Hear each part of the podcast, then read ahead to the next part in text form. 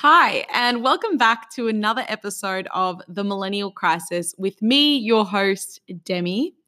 Um, I'm really excited today because this is going to be the first bonus episode of the season.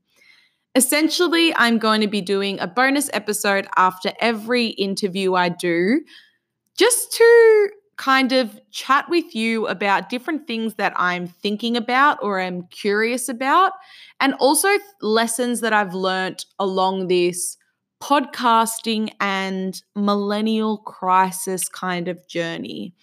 The reason I really wanted to do the bonus episodes was because I feel that podcasts have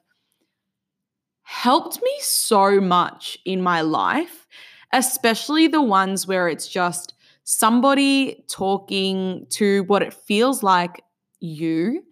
and you just kind of relating to so many things that they're saying and not feeling alone in a lot of the things that they're saying especially when it's something that you're like oh my god like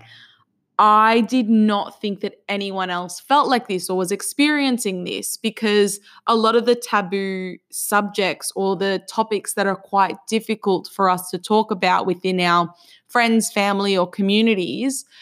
are kind of off limit, are, are not off limits in podcast format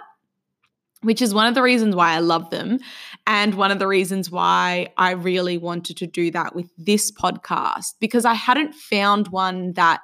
touched on the subjects that I'm going to touch on this season to the extent that I wanted them to.